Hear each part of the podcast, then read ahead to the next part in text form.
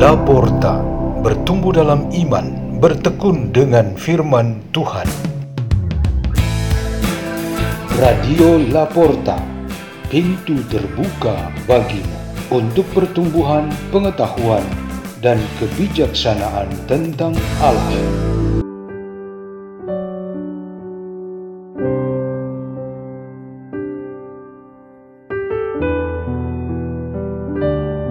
Bacaan-bacaan dan renungan Sabda Tuhan hari Minggu biasa ketiga 23 Januari 2022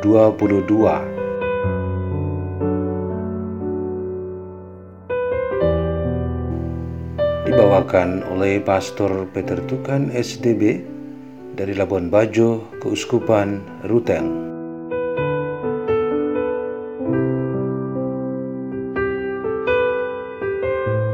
Bacaan dari kitab Nehemia Sesudah umat Israel kembali dari pembuangan pada hari pertama bulan ketujuh, Imam Esra membawa kitab Taurat ke depan jemaat, pria dan wanita dan semua yang dapat mendengar dan mengerti.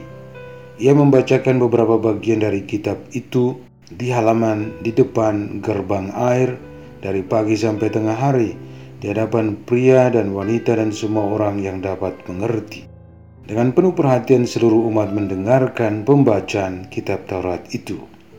Adapun Ezra, ahli kitab itu berdiri di atas mimbar kayu yang dibuat khusus untuk peristiwa itu. Ezra membuka kitab itu di depan mata seluruh umat karena ia berdiri lebih tinggi dari semua orang. Pada waktu ia membuka kitab itu, semua orang bangkit berdiri Lalu Ezra memuji Tuhan, Allah yang Maha Agung, dan semua orang menyaut, Amin, Amin, sambil mengangkat tangan. Kemudian mereka berlutut dan sujud menyembah kepada Tuhan dengan muka sampai ke tanah. Bagian-bagian kitab Taurat Allah dibacakan dengan jelas, dengan diberi keterangan-keterangan sehingga pembacaan dimengerti. Lalu Nehemia kepala daerah dan Imam Ezra ahli kitab itu, serta orang-orang Lewi yang mengajar jemaat berkata kepada seluruh hadirin, "Hari ini adalah kudus bagi Tuhan Alamu. Jangan kamu berduka cita dan menangis, karena semua orang itu menangis ketika mendengar kalimat-kalimat Taurat." Lalu berkatalah Imam Ezra kepada mereka, "Pergilah, makanlah sedap-sedapan dan minum minuman manis." dan berikanlah sebagian kepada mereka yang tidak sedia apa-apa. Sebab hari ini kudus bagi Tuhan kita, Jangan bersusah hati, sebab sukacita karena Tuhanlah perlindunganmu. Demikianlah sabda Tuhan.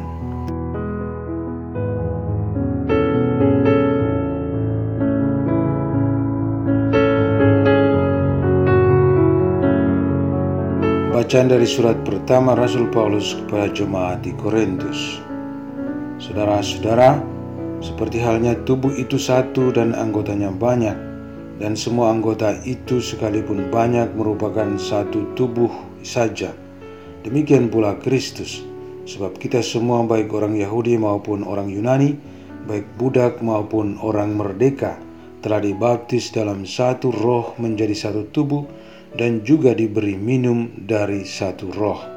Karena tubuh pun tidak terdiri atas satu anggota saja, tetapi atas banyak anggota Allah telah menyusun tubuh kita begitu rupa sehingga kepada anggota-anggota yang tidak mulia diberikan penghormatan khusus supaya jangan terjadi perpecahan dalam tubuh tetapi supaya anggota-anggota yang berbeda itu saling memperhatikan.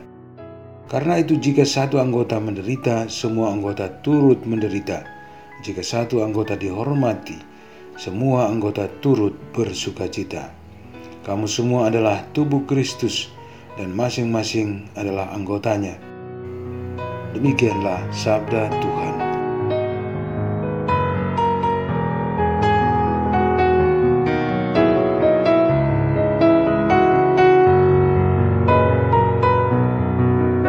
Injil Tuhan kita Yesus Kristus menurut Lukas bab 1 ayat 1 sampai 4 dan bab 4 ayat 14 sampai 21. Banyak orang telah berusaha menyusun suatu berita tentang peristiwa-peristiwa yang telah terjadi di antara kita, seperti yang disampaikan kepada kita oleh saudara-saudara yang dari semula adalah saksi mata dan pelayan firman. Karena itu setelah menyelidiki segala peristiwa itu dengan seksama dari awal mulanya, aku mengambil keputusan untuk membukukannya dengan teratur bagimu. Dengan demikian, engkau dapat mengetahui bahwa segala sesuatu yang diajarkan kepadamu sungguh benar. Sesudah dicobai iblis di padang gurun dalam kuasa roh, kembalilah Yesus ke Galilea dan tersiarlah kabar tentang dia di seluruh daerah itu. Selama di situ ia mengajar di rumah-rumah ibadat dan semua orang memuji dia. Lalu Yesus datang ke Nazaret tempat ia dibesarkan. Dan menurut kebiasaannya, pada hari Sabat ia masuk ke rumah ibadat, lalu berdiri hendak membaca dari Alkitab. Kepadanya diberikan kitab Nabi Yesaya, dan setelah membukanya ia menemukan nas di mana ada tertulis, Roh Tuhan ada padaku. Oleh sebab ia telah mengurapi aku untuk menyampaikan kabar baik kepada orang-orang miskin, dan ia telah mengutus aku untuk memberitakan pembebasan kepada orang-orang tawanan dan penglihatan bagi orang-orang buta, untuk membebaskan orang-orang yang tertindas, untuk memberitakan bahwa tahun rahmat Tuhan telah datang. Kemudian Yesus menutup kitab itu, mengembalikannya kepada pejabat, lalu duduk, dan mata semua orang dalam rumah ibadat itu tertuju kepadanya. Lalu Yesus memulai mengajar mereka katanya, Pada hari ini, genaplah nas tadi, sewaktu kamu mendengarnya. Demikianlah sabda Tuhan.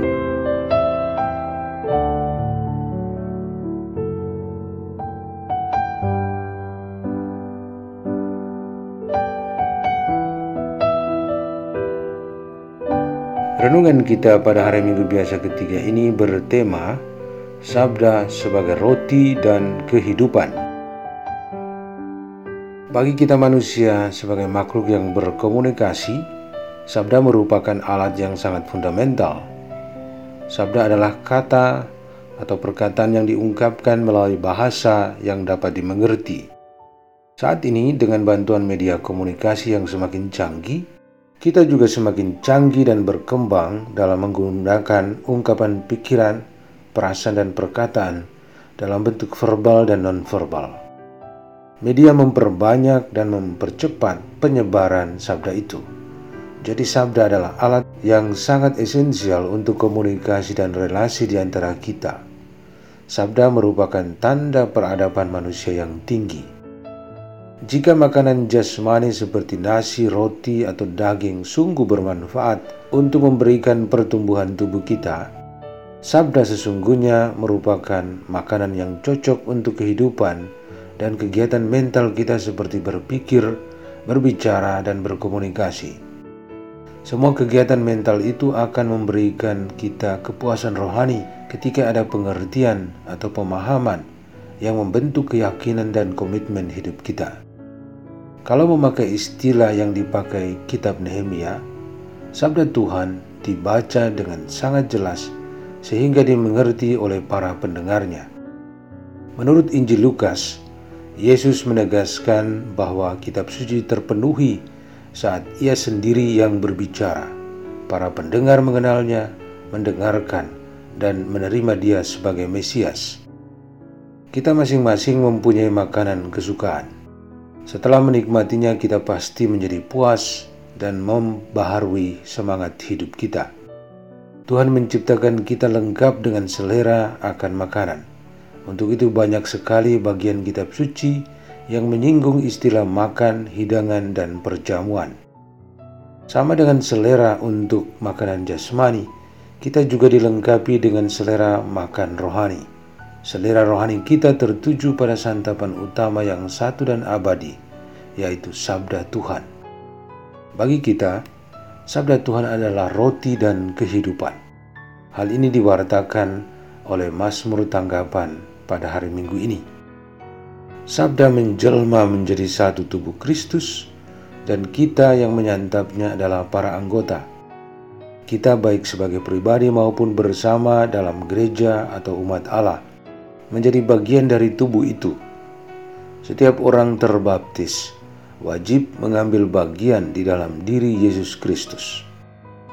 Tanda yang kita pakai dalam mengartikan dan membuatnya hidup selalu di dalam diri kita ialah Ekaristi yang berwujud pada roti yang kita santap.